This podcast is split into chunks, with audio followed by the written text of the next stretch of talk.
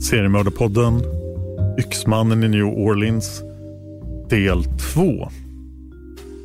Det här avsnittet är skrivet av mig, Dan Hörning och ljudet har klippts av David Dava Persson.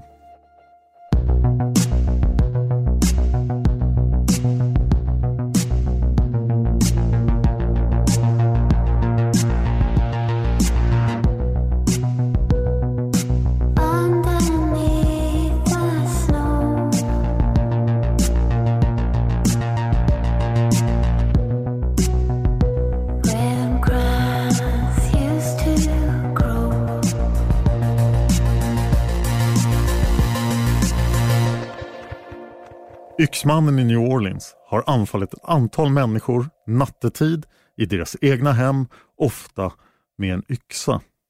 Allmänheten i New Orleans är beredda att tillskriva yxmannen minst fyra mord och tre mordförsök. New Orleans hade en åra av mystik och legender runt sig som försvårade utredningen. Den finns nog kvar även än idag. En tidig teori som vann mer och mer mark var att yxmannen inte var en människa. Robert Talent är en författare som har skrivit mycket om Yxmannen. I Robert Talents bok Gumbo Ja Ja, en samling sägner från Louisiana berättar Talent om nålmän, en slags brottslingar, kanske övernaturliga, som högg kvinnor tills de blev medvetslösa och sen förde bort dem. Han pratar också om svartflaskemän som mördade patienter på sjukhuset och lämnade deras kvarlevor till läkarstudenter. Lite som seriemördarna Burke and Hare i Skottland som ni snart kommer att få höra mera om. Det fanns också legender i New Orleans om mystiska svartklädda män som åkte runt i svarta vagnar och letade efter unga kvinnor som var utomhus och ensamma. Legenden om Yxmannen passade bra in i New Orleans. Nästan omedelbart började spridas massor av fantasifulla historier om Yxmannen. Polisen hade snart svårt att skilja på vad som var dikt eller verklighet. Inte ens vittnena själva var säkra. Ett rykte var att Yxmannen var en demonisk ande som var ute efter stadsbornas förtappade själar. Ett annat rykte var att Yxmannen brukade gå runt i New Orleans klädd som en kvinna. Och om signalementet Pauline gav stämde, hon beskrev Yxmannen som lång och mörk, så måste han varit en väldigt stor och lång kvinna. Ett annat rykte sa att Yxmannen bara var en vanlig maffiatorped. John Antonio, den pensionerade polismannen som jag nämnde i avsnitt 1, han som hade varit med och utrett morden från 1911, hade en teori som han gärna framförde i media. John berättade att han trodde att det var samma gärningsman som 1911 och 1912. Det fanns tillräckligt många likheter mellan dubbelmordet, attacken i Louis Bessemers affär, överfallet på Anna Schneider, mordet på Josef Romano och morden från 1911 och 1912. Det måste helt enkelt vara samma gärningsman, hävdade John D'Antonio. John gjorde faktiskt till och med en tidig gärningsmannaprofil. Han sa att mördaren hade två personligheter och begick morden utan något riktigt motiv. John spekulerade i att gärningsmannen inte ens var medveten om att han begick brotten. Mördaren var en vanlig medborgare på dagen men ibland överväldigades han av sin lust att mörda och bytte till sin andra personlighet. John D'Antonio hävdade att Yxmannen var verklighetens Jekyll och Hyde. Många av er lyssnare känner säkert till Robert Louis Stevensons roman från 1886. Boken Jekyll och Hyde hade en enorm genomslagskraft på tankarna runt grovt kriminella. En sak ni kanske inte visste var att boken gavs ut först 1897 i Sverige, alltså 11 år efter att den slog igenom. Den svenska utgivaren tyckte Jekyll och Hyde var ett intetsägande namn, så boken fick namnet på svenska Hemligheten med Dr Jekyll. Och någonting man aldrig kommer att glömma, på gott eller ont, när man väl har sett det, är David Hasselhoffs framträdande som Dr Jekyll och Mr Hyde i musikalen från 90-talet. Så se det om ni har en hög toleransnivå. John D'Antonio sa också, citat, Personer som har studerat brottsligheten har klargjort att en brottsling kan ha två personligheter. I så fall kan den ena vara en respektabel laglydig medborgare så plötsligt kommer lusten att mörda över honom och han kan inte göra annat än att lyda. Kanske var John D'Antoni någonting på spåren för yxmannen i New Orleans valde att ligga lågt under perioden direkt efter tidningarnas artiklar med Johns teorier. 16 september 1918 hände något mycket värre i New Orleans än yxmannen. Spanska sjukan kom med en oljetanker till New Orleans. Influensan drabbar New Orleans. Spanska sjukan är en av de värsta sjukdomar som har drabbat mänskligheten i världshistorien med över 50 miljoner offer. Hela 3-6 procent av världsbefolkningen dog i spanska sjukan 1918 till 1920. I New Orleans dog 3489 personer. Bara Pittsburgh och Philadelphia drabbades hårdare i USA. Yxmannen fortsatte att ligga lågt. Den 11 november 1918 slutade första världskriget. USA hade vunnit kriget. Andrew Maggio kunde med tiden få komma hem till New Orleans igen. Nu var det ingen som misstänkte honom för mordet på hans bror längre. Nu var alla säkra på att det var yxmannen som hade mördat Joseph Maggio. 1918 slutade i sjukdom och fred. Folk började sakta glömma bort yxmannen i New Orleans. Det dröjde ända fram till min födelsedag den 10 mars innan yxmannen slog till igen. Då hade det gått sju månader sedan attacken på Josef Romano. Vid hörnet av Jefferson Avenue och andra gatan i Gretna, Louisiana bodde en liten italiensk familj bestående av Charles Cortimiglia, hans fru Rosie Cortimiglia och deras tvååriga dotter Mary. Gretna är en förort till New Orleans som ligger på andra sidan den breda Mississippifloden. Både Charles Cortimiglia och hans granne Orlando Giordano, 69 år gammal, var italienare som ägde varsin livsmedelsaffär. Den här kvällen, den 10 mars 1919, hörde plötsligt grannen Jorlando skrik från familjen Cortimiglias hus. Jorlando sprang över till Cortemiglias hus och upptäckte att Charles, Rosie och Mary hade alla blivit överfallna av en okänd gärningsman. Jorlando såg aldrig den här gärningsmannen. Rosie stod upp och hade sin dotter Mary i famnen. Rosie höll krampaktigt om sitt barn men det var uppenbart för Jorlando att lilla Mary hade blivit dödad med ett yxhugg i huvudet. Charles låg på golvet och blödde ymnigt. Ambulans och polis tillkallades. Den här versionen av händelseförloppet skiljer sig väsentligt från det som publicerades i tidningarna dagen efter. Då var det barn som hade varit kunder i någon av livsmedelsbutikerna som hittade kropparna och inga skrik hade hörts. Paret Cortemiglia, Charles och Rosie alltså, hade båda svåra huvudskador men läkarna lyckades rädda deras liv på sjukhuset. Lilla Mary var död långt innan hon kom till sjukhuset. Mary Cortemiglia blev yxmannens femte eller nionde mordoffer.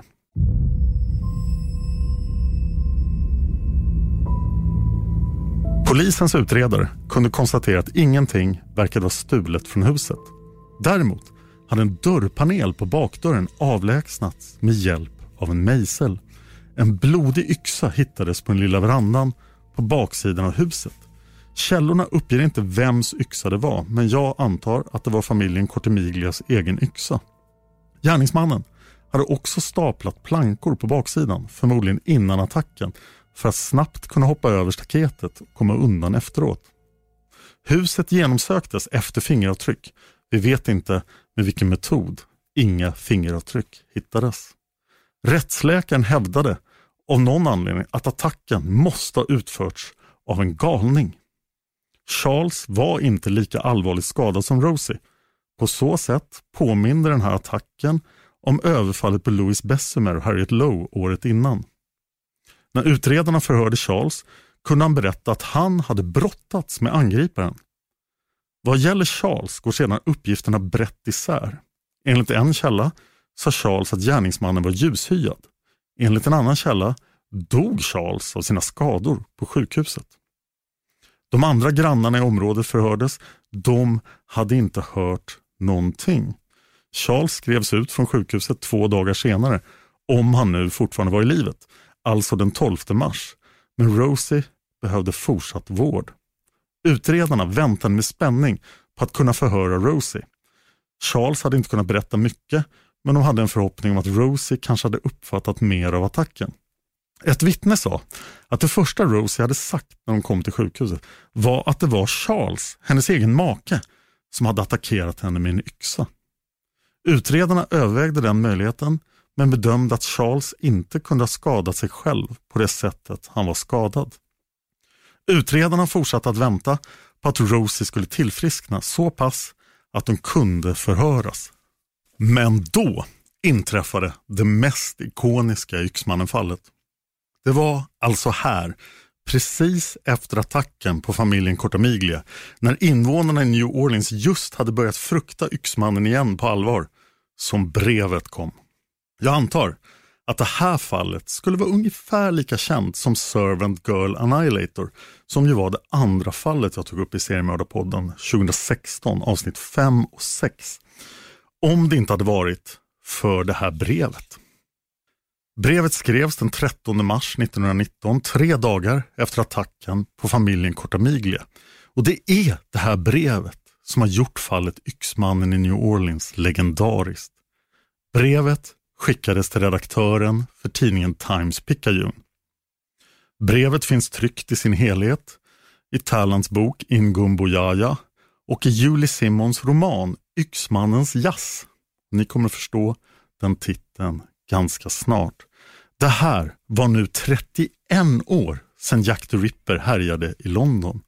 Folk har alltid varit intresserade av true crime och en seriemördare som skrev brev förde folks tankar direkt till Jack the Ripper som redan då var ett känt fall. Även om vi nu var i New Orleans och inte i London.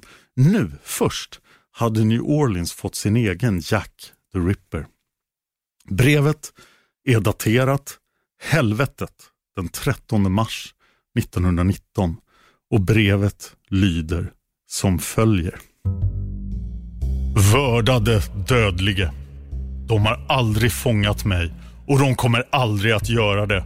De har aldrig sett mig för jag är osynlig. Precis som eten som omgärdar er jord. Jag är inte en mänsklig varelse. Istället är jag en ande. En ond demon från det varmaste helvetet. Jag är vad ni orleaner och er dåraktiga polis kallar för Yxmannen. När jag så önskar kommer jag att komma till er igen och ta nya offer. Det är bara jag som vet vilka det kommer att bli. Jag kommer inte att lämna några ledtrådar förutom min blodiga yxa täckt av blodet och järnsubstansen från den som jag har skickat till de nedre regionerna för att hålla mig sällskap. Om det behagar dig så kan du be polisen att inte irritera mig. Det är ju självklart att jag är en resonlig ande. Jag känner mig inte kränkt av sättet de har skött sin utredning så här långt. Faktum är att de har varit så ypperligt dåraktiga att de har roat inte bara mig utan också hans sataniska majestät Francis Josef etc. Men säg åt dem att vara försiktiga. Låt dem inte försöka ta reda på vad jag är för det vore bättre om de aldrig hade fötts än att de väcker yxmannens vrede. Jag tror inte att en sån här varning behövs för jag är säker på att polisen kommer att göra allt för att undvika mig som de har gjort hittills. De är kloka och de vet hur man undviker fara. Utan tvivel tänker ni orleaner på mig som den värsta av mördare och det är jag. Men jag skulle kunna vara mycket värre om jag ville. Om jag ville det så skulle jag komma till er stad varje natt. Om jag ville det skulle jag kunna slakta tusentals av era bästa medborgare för jag har en nära relation till dödens ängel. Nu för att vara exakt vid 00.15 jordetid på nästa tisdagsnatt kommer jag att komma på besök till New Orleans igen. I min oändliga nåd tänker jag nu ge ett förslag till alla er. Här är mitt förslag. Jag tycker mycket om jazz och jag svär vid alla jävlar i de nedre regionerna att varje person ska benådas om det i dennes hem spelar ett jazzband med fullt ös vid den tid som jag nyss nämnde. Om alla har ett jazzband spelande hemma, ja, då är det så mycket bättre för alla er. En sak är säker och det är att om det finns folk som inte vill jassa på tisdag kväll, om det nu finns några sådana, så kommer de att få smaka yxan. Nåja, eftersom jag är kall och behöver värmen från mitt hemland Tartarus och det är ungefär dags att jag lämnar er jord så ska jag sluta den här utläggningen nu. Jag hoppas att ni publicerar det här och då kanske det går bra för er. Jag har varit, är och kommer alltid att vara den värsta anden som någonsin har existerat i både fakta och fantasi. Brevet var underskrivet Yxmannen. Francis Josef kan möjligtvis syfta på den österrikiske kejsaren Frans Josef den förste, som dock dog 1916. Tartarus är en del av dödsriket Hades i grekisk mytologi. Där hölls titanerna infångade efter att deras barn, ledda av Zeus, hade störtat dem. När det kommer ett brev från en seriemördare är det alltid en stor risk att det är någon annan som har skrivit det. Och i det här fallet finns det ingenting som bevisar att det är Yxmannen själv som har skrivit brevet. Till exempel finns det inga fakta som bara Yxmannen kunde känna till nämnda i brevet. Det finns däremot en bra misstänkt för att ha skrivit brevet. Det misstänkte är Josef John Davilla som på rekordtid hade en låt färdig lagom till Yxmannens tisdagskväll. Eh, det är oklart när den här låten exakt kom ut. Den kan ha kommit ut till och med innan brevet skrevs. Låten heter The Mysterious Axmans Jazz Don't Scare Me Papa. Alltså den mystiska Axmannens jazz Skräm mig inte pappa. Det var inte heller alla i New Orleans 1919 som trodde att det här brevet kom från Yxmannen. Men vi måste komma ihåg att den här historien utspelar sig just i New Orleans. Invånarna i stan är kända för att inte säga nej till möjlighet att festa. Och nu fanns det en seriemördare som tänkte tvinga folk att festa en tisdagskväll. Åh nej, tänkte invånarna i New Orleans och alla förberedde sig på en jättefest. Det var natten till den 19 mars 1919 och legenden säger att New Orleans aldrig har festat så hårt som just den kvällen. Innan festen skrev en man ett öppet brev i tidningen till Yxmannen. Han sa att han tänkte festa på tisdagsnatten men han vägrade att spela jazz. Tre vänner skulle festa hos honom. De bjöd in Yxmannen att komma och döda alla fyra. Mannen utlovade citat fyra skalper men han sa också åt Yxmannen att han inte fick skada mannens nya fina ytterdörr. Istället skulle mannen lämna badrumsfönstret öppet så att Yxmannen kunde komma in den vägen. Under tisdagskvällen åkte Josef John Davila runt i en vagn med en musiker och spelade The Mysterious Axmans Jazz hela kvällen. Ingen fick smaka yxan den natten. New Orleans andades ut. De flesta var bakfulla på onsdagen. De vaknade motvilligt och så gjorde även Rosie Cortamiglia. När Rosie vaknade blev hon ganska snart förhörd av utredarna. Rosie hyste ingen tvekan om vad det var som hade hänt. Hon berättade för utredarna att det var Jorlando Giordano, grannen som hade hittat dem, som faktiskt hade överfallit dem med en yxa. Och det var inte bara han. Med sig hade Jorlando haft sin storväxte 18-årige son Frank Giordano. Motivet var självklart. Båda grannfamiljerna drev ju var sin livsmedelsaffär. De var alltså konkurrenter. Jorlando hade försökt mörda Charles för att bli av med sin konkurrent. Polisen övervägde den här möjligheten. Jorlando var 69 år gammal och han var inte längre fullt frisk. Polisen bedömde att det var tveksamt om Jorlando skulle klara av att yxmörda någon alls. Men hans son Frank var över 180 cm lång och vägde runt 100 kilo. Frank kunde lätt ha utfört morden, men hur kom han in genom det lilla hålet i dörren där dörrpanelen hade avlägsnats? Jag kommer lägga upp bilder på Facebook på de här dörrpanelerna. Det är alltså en smalare del av dörren, det finns ofta sex stycken som inte alls är särskilt stora. Men gå in på Seriemördarspoddens Facebook så kommer ni se exakt hur dörrarna ser ut, eller åtminstone någon av dörrarna. Det kom också fram att Jorlando hade nämnt för ett vittne att någonting fruktansvärt skulle kunna hända hans granne Charles innan attacken. Utredarna vände sig nu till Charles med de här sensationella uppgifterna om hans granne. Deras förhoppning var att Charles skulle kunna bekräfta att det var Jorlando och hans son Frank som hade mördat lilla Mary och svårt skadat Charles och Rosie. Charles var väldigt skeptisk. Han ansåg att far och son Giordano var oskyldiga. Han hade brottats med gärningsmannen och han kände Jorlando och Frank väl. Det var inte någon av dem. Polisen valde att ignorera Charles uttalande och grep istället både Jorlando och Frank och åtalade dem för ett mord och två mordförsök. Jorlando, som bara hade velat hjälpa till enligt honom själv, och hans son Frank ställdes inför rätta. Till deras stora förvåning fälldes de av en enhällig jury. Frank blev dömd till döden genom hängning och Jorlando till livstidsfängelse. Efter rättegången begärde Charles Cortemiglia skilsmässa från sin fru Rosie. Han stod inte ut med att hon hade försatt deras stackars grannar i en sån här hemsk situation. Han var fortfarande helt övertygad om att Jolando och Frank var oskyldiga.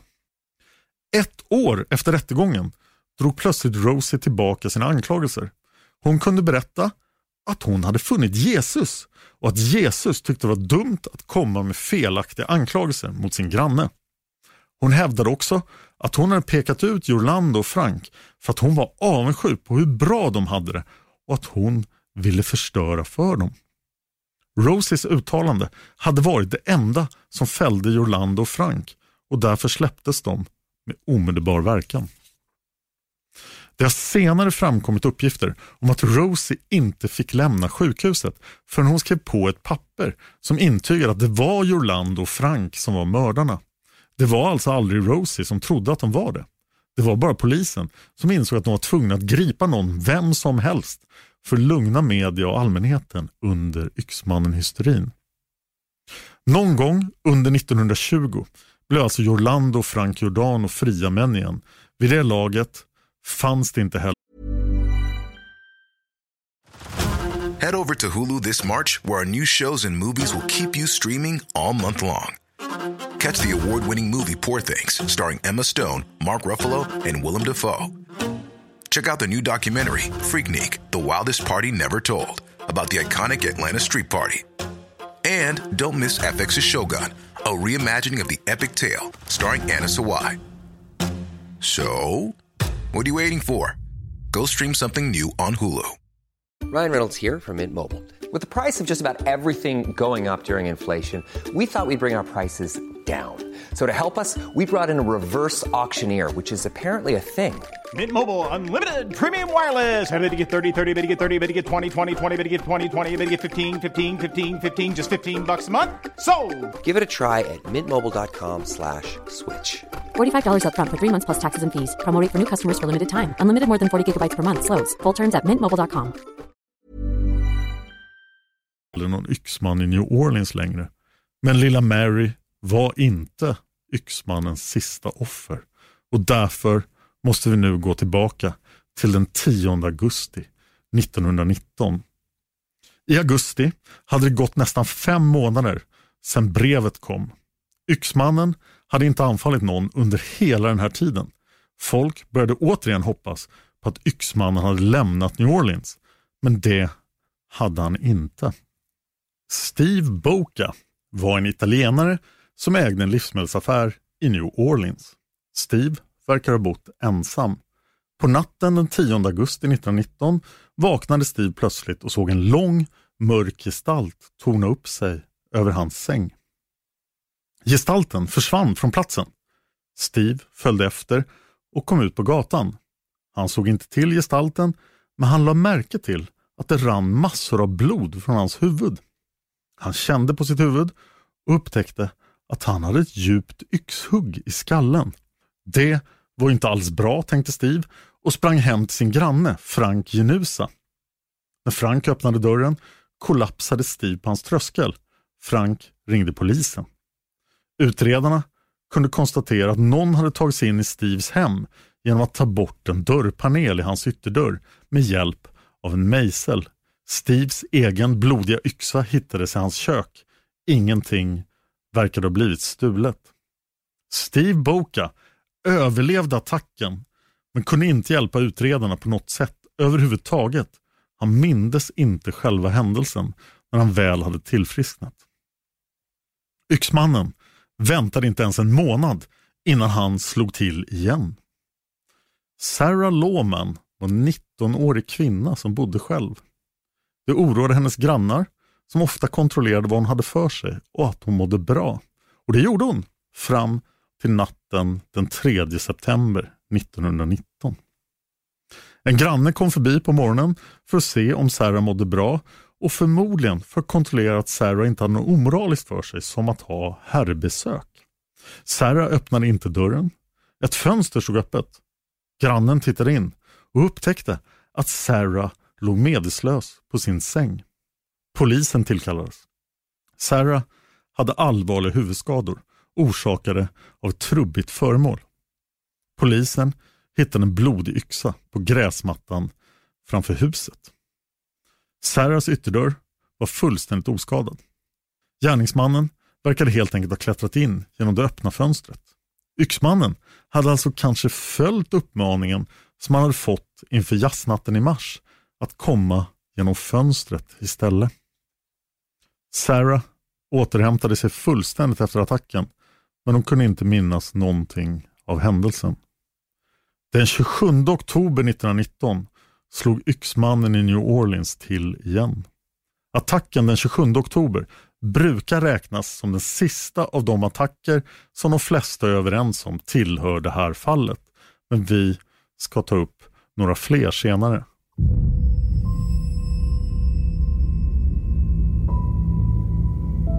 Mike och Esther Pepitone med sex barn bodde i New Orleans. De var italienare och det är oklart för mig i skrivande stund vad Mike arbetade med. Mike och hans fru hade separata sovrum. Tidigt på morgonen, på småtimmarna, den 27 oktober 1919 vaknade Esther Pepitone av oväsen från hennes mans sovrum. Hon sprang in i Mikes sovrum och i dörren krockade hon nästan med en man som flydde från platsen. Mannen lämnade parets hem så fort han bara kunde. Ester tittade in i Mikes sovrum. Där låg Mike täckt av sitt eget blod. Han hade blivit huggen med en yxa. Blod hade stängt över hela rummet. På väggen fanns bland annat en målning föreställande jungfru Maria. Jesus mamma var fullständigt nedstängd med Mikes blod. En av Mikes döttrar sprang för att hämta polisen. Vice sheriff Ben Corcoran var förste polisman på plats. Han hittade Esther Pepitone stående över sin mans döda kropp. Hon vände sig till polismannen Ben och sa citat Det verkar som att yxmannen har varit här och mördat Mike. Men Mike var inte död. Vice sheriff Ben såg till att ambulansen tog Mike till Charity Hospital. Mike levde när han kom till sjukhuset och han avled kort därefter. Polisen hittade en yxa, oklart vem den tillhörde, på bakgården. Bakdörren saknade en dörrpanel. Det var uppenbarligen den vägen gärningsmannen hade tagit sig in i paret Pepitons hus. Polisen förhörde Esther Peppiton. Hennes historia var inte helt tydlig och den ändrades flera gånger. Polisen uppfattade det som att Esther hade sett två gärningsmän i hennes hem. Båda hade flytt, de hade inte fått med sig något stöldgods. Båda gärningsmännen var väldigt storväxta. Polisen noterade att det hade funnits åtta personer i hemmet, alltså Mike, Esther, sex barn, men ingen hade sett någonting som kunde identifiera gärningsmännen. Barnen hade överlag väldigt lite att berätta. Polismannen som förhörde Esther Pepitone reagerade och noterade att hon var anmärkningsvärt lugn och att hon heller aldrig hade skrikit under själva händelsen. Media blåste givetvis upp det här så mycket de bara kunde. En tidning spekulerade i att ingen vuxen människa kunde ta sig in genom hålen efter de borttagna dörrpanelerna. De var helt enkelt för små. Tidningen uppgav också att det var omöjligt att öppna dörrarna från insidan genom att sticka in armen genom hålen i flera av fallen. Det var underförstått att gärningsmannen måste vara övernaturlig på något vis. Det hade inträffat några brott under åren innan, precis innan Yxmannen, som tidningarna nu försökte länka ihop med seriemordet. Robert Tallant berättar i sin bok om två sådana brottslingar. Båda var fortfarande på fri fot 1919. Den första var Dominomannen som hade härjat i en förort till New Orleans. Han hade varit klädd i en vit mantel med kåpa. Dominomannen hade smugit sig på flickor i grupp och sen hoppat in mitt bland dem. Vid denna oväntade händelse hade flickorna förstås sprungit från platsen. Motivet för Dominomannen var högst oklart. Den andra brottslingen var Jack the Clipper. Han var en serieamatörfrisör som obemärkt närmade sig skolflickor och sen skar av deras flätor. När han hade skurit av en fläta sprang han omedelbart därifrån med sitt byte. Tre flickor hade förlorat sina flätor på det här sättet. De var givetvis väldigt uppskrämda. Efter dessa tre attacker försvann Jack the Clipper för alltid. Tidningarna undrade nu om han hade valt att komma tillbaka men den här gången hade han bytt frisörsaxen mot en yxa. New Orleans väntade skräckslaget på nästa attack från yxmannen.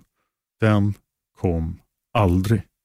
Yxmannen försvann också för alltid, precis som Jack the Clipper. Fallet har aldrig lösts, Yxmannen har blivit en legend. Men det finns två bra misstänkta vi behöver ta upp och den ene har vi redan nämnt i första avsnittet. Vi behöver nu gå tillbaka till historien om Esther Pepitone. Den 2 december ett år, något år, kanske 1919, kanske 1920 eller 1921, men definitivt den 2 december greps Esther Pepitone i Los Angeles. Hon var fortfarande klädd i sorgkläder men det var inte från Mike Pepitone. Hon var i sorg för att hennes nye make, herr Albano, också hade mördats.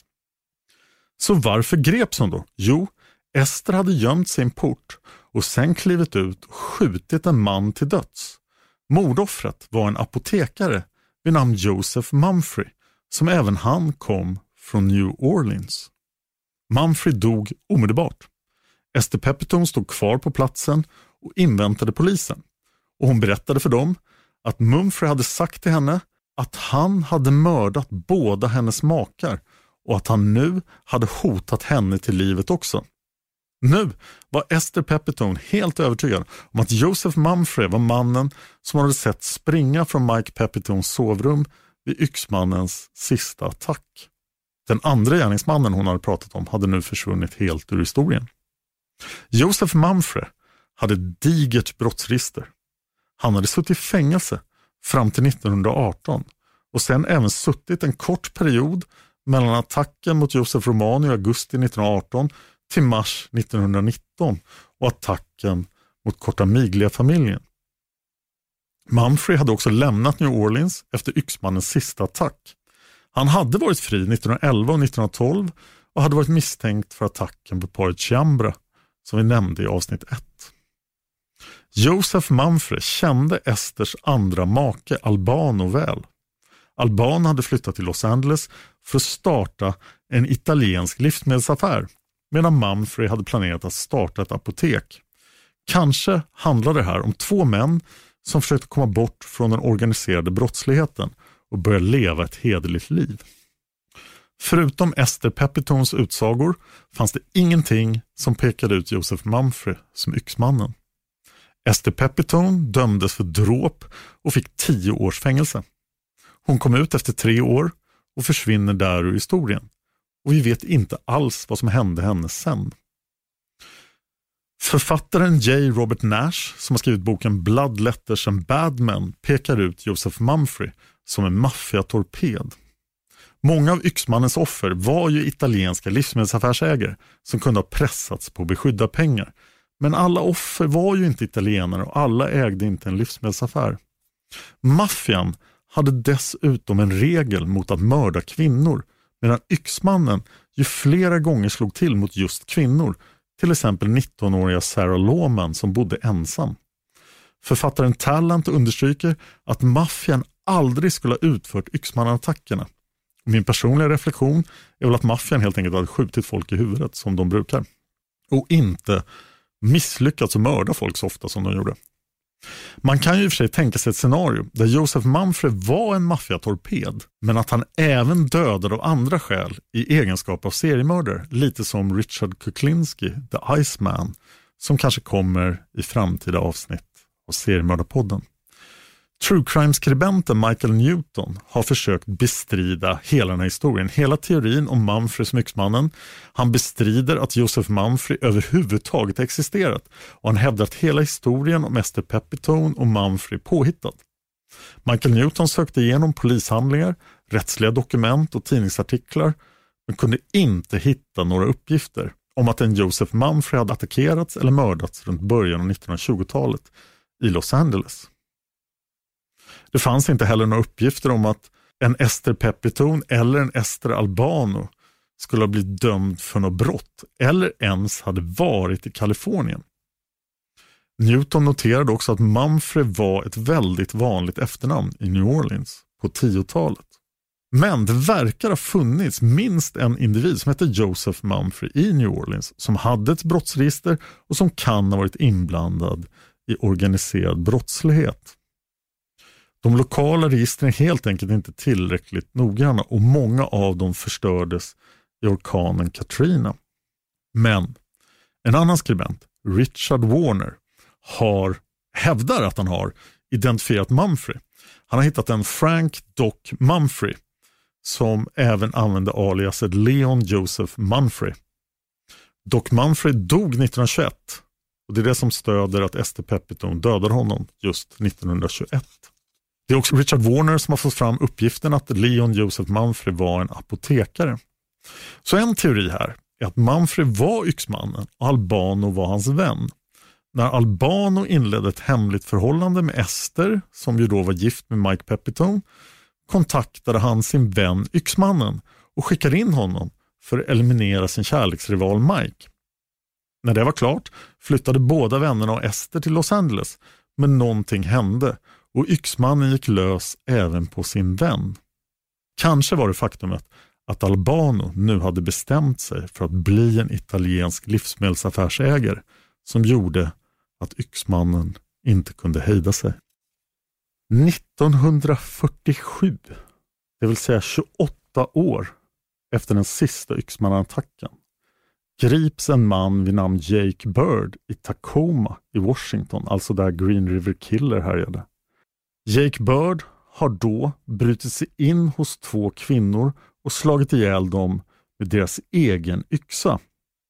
Jake Bird lämnade Louisiana precis efter den sista yxmannanattacken. Under utredningen om det här dubbelmordet bekänner Jake Bird ytterligare 44 mord. I 11 av de här morden bekräftas det att Jake Bird är gärningsmannen. Han är också huvudmisstänkt än idag för de andra 33. Jake är förstås en seriemördare och förtjänar sina egna avsnitt i seriemördarpodden så jag ska inte säga för mycket om honom nu. Men om han var yxmannen så var han bara 16 år när han dödade Joseph Maggio och Catherine. Jake erkände aldrig heller något mord i Louisiana. Det har gjorts mycket då att han erkände så många mord men han inte erkände Yxmannen-morden. Men om han var Yxmannen så kan det ändå ha funnits massor av skäl för honom att inte bekänna just de morden. Till exempel att han skyddade en medbrottsling. Jag nämnde i förra avsnittet att det fanns ännu fler tidiga attacker. Och enligt boken Tales from the French Quarter står det följande, så citat och min översättning. Under 1911 och 1912 skedde ett antal liknande mord. 49 personer slaktades i sömnen över delar av Louisiana och Texas. Den blodiga slakten började i Rain, Louisiana, där en ung kvinna och hennes tre barn hittades sönderhuggna i hemmet. En månad senare hittades en familj på tre personer huggna i bitar i Crowley i Louisiana. Kort därefter fyra personer döda i Lafayette. Alla offren sov när de halshöggs och styckades med något som verkade vara en yxa. Hela familjer slaktades utan nåd under det följande året i områden mellan Lafayette i Louisiana och San Antonio i Texas. Vid ett tillfälle lämnade den här mördaren en lapp. På lappen stod det citat När han börjar sökandet efter blod glömmer han inte skriken från de ödmjuka mänskliga fem. Vi har också några attacker från 1910. En attack skedde den 13 augusti 1910. Tidigt på morgonen vaknade en kvinna vid namn fru Trudy av att det stod en man med en köttyxa i hennes säng. Hon hade aldrig sett den här mannen tidigare. Mannen krävde pengar av henne. Han hotade henne med orden Jag kommer att göra samma sak med dig som jag just gjorde med din man. Fru Trudy tittade över mot hennes mans sida av sängen. Där låg hennes man medvetslös. Blod forsade från hans huvud där mannen hade huggit honom med köttyxan. Fru Trudy skrek du har mördat honom. Sen tog hon fram åtta dollar som hon förvarade under kudden och gav till mannen. Men han var inte nöjd. Men när han insåg att det inte fanns några mer pengar lämnade han kvinnan och gick ut genom parets italienska livsmedelsaffär. På vägen snodde han deras fågelbur inklusive fågel. När han var i säkerhet släppte han fågeln fri. Mannen sågs av flera vittnen men attacken blev aldrig löst. Fru Trudys man dog inte. Tvärtom återhämtade han sig anmärkningsvärt fort. Paret Trudy hade haft sin livsmedelsaffär i bara en månad. En mentalsjuk man greps för det här brottet men den 20 september 1910 skedde en liknande attack och sen ytterligare en. Till slut blev någon mördad. Köttyxemannen i New Orleans blev efterlyst men någon liknande attack hände inte efter 1910 vad jag vet. Polisens slutsats om de här köttyxattackerna var att de faktiskt hade genomförts av maffian. Inte många experter på Yxmannen tror att det var Yxmannen som var köttyxemannen. Men eftersom offren var italienska affärsägare brukar de här fallen också komma upp när man pratar om Yxmannen. Och Vissa tror ju då att det var Yxmannens första attacker. Och det skedde även flera Yxmannen-liknande attacker efter mordet på Mike Pepitone. De skedde i Louisiana men inte i New Orleans. Joseph Spiro mördades 30 mil norrut från New Orleans i december 1920. Ett annat mord hände väster om New Orleans, ungefär 40 mil bort i januari 1921. Till slut mördades Frank Scalisi i april 1921. Samtliga ska ha varit italienska livsmedelsaffärsägare. När vi ändå är i New Orleans så måste vi nämna Delphine LaLaurie. En seriemördare och massmördare som dog 1849. Delphine var en societetsdam som torterade och mördade svarta slavar i New Orleans. Hon kan ha dödat upp till 100 slavar. Delphine kommer förstås att återkomma i ett senare avsnitt av seriemördarpodden eller möjligtvis massmördarpodden. Både Delphine LaLaurie och Yxmannen förekommer i tv-serien American Horror Stories säsong 3, häxsäsongen, där Yxmannen råkar ut för oväntade händelser under den där tisdagsnatten han pratade om i sitt brev. En annan fråga måste ställa sig när man tänker på Yxmannen i New Orleans är varför var han så dålig på att ha ihjäl folk? Det är ju inte fruktansvärt svårt att döda någon med en yxa om man slår dem i huvudet. Men Yxmannen verkar slå folk i huvudet och sen är han klar. Ville han verkligen döda dem? Eller var gärningen han ville göra bara att slå folk i huvudet med en yxa? Jag tänker också på att olösta seriemord är mycket ovanliga. Väldigt ovanliga. Mycket mer ovanliga än vad man tror. En förklaring till att gärningsmannen inte har gripits för seriemord kan vara aldrig fanns någon seriemördare. Det är möjligt att yxmannen i New Orleans är en tidningsanka. Precis som seriemördaren Soho Ripper och andra påhittade seriemördare.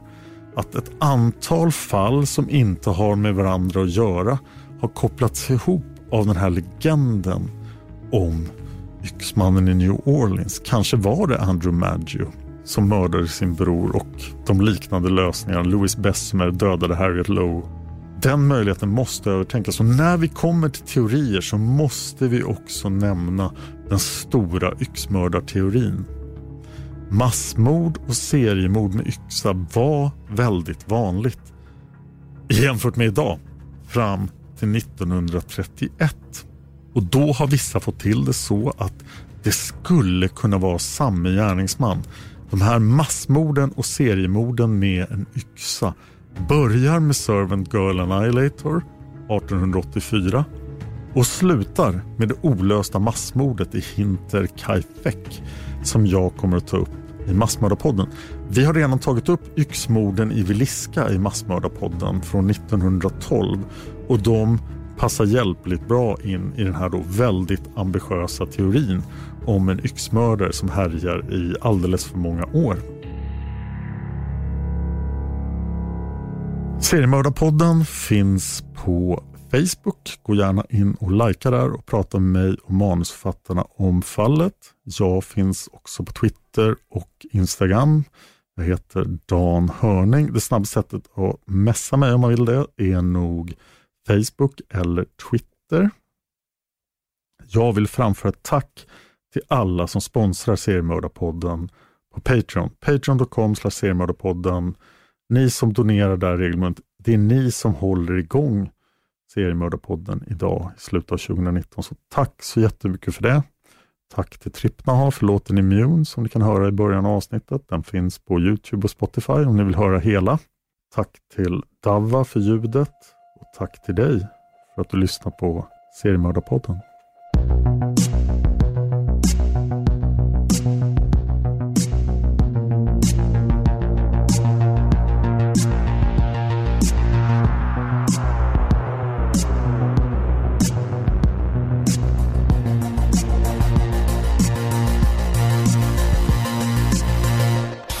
Produceras av I Like Radio. I like radio.